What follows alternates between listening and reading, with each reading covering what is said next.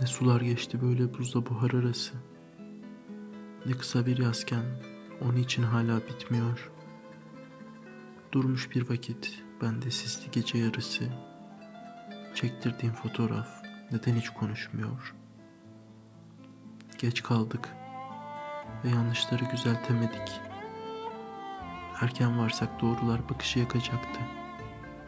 Çok sarhoştum yani. Hak ettim yaşamayı.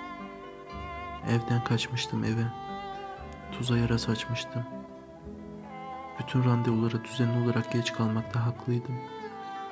Gök bana göre değildi. Yeri zaten hiç sorma. Gök de kendine göreydi. Yerde zaten hiç durma. Çıktım bir kapısını bulup yaşadıklarımdan. Vardım ki seni sevdim. Seni sevdim. Evler arasından bir evdin. Döndüm ve dönüşümde düştü aniden dekor. Sen yükseldin. Elinde kara bir kalem vardı. Sanki her yanım ihanet kadar yazdı. Ve çeşitli organlar olarak insanı yar eden vardı. Var eden vardı aşkı kelebek küllerinden bir şaraba yazarak. Okumak budur. Yani yağmur bekleyen toprağın durmaksızın kuruması. Sana çok şeyler anlatmak istemem.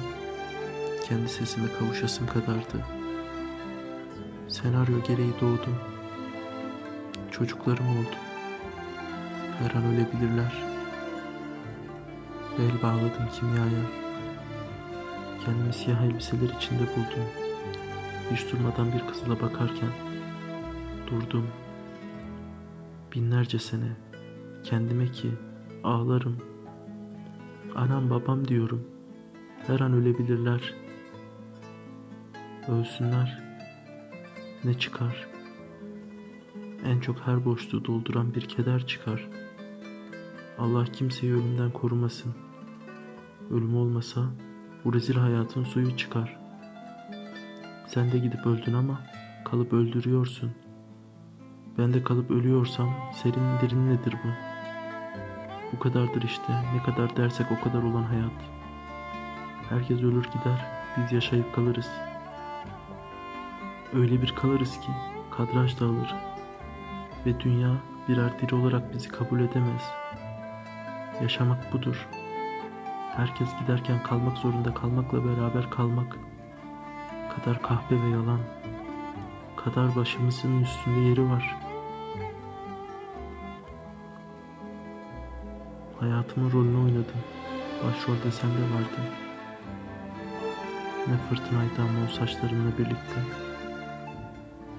Ne güneşlere yandık. Var mıydı hiç hatırım? Avluda oturmuştuk. Ellerin ellerimde. Sana bir ara aklımda kalanları anlatırım.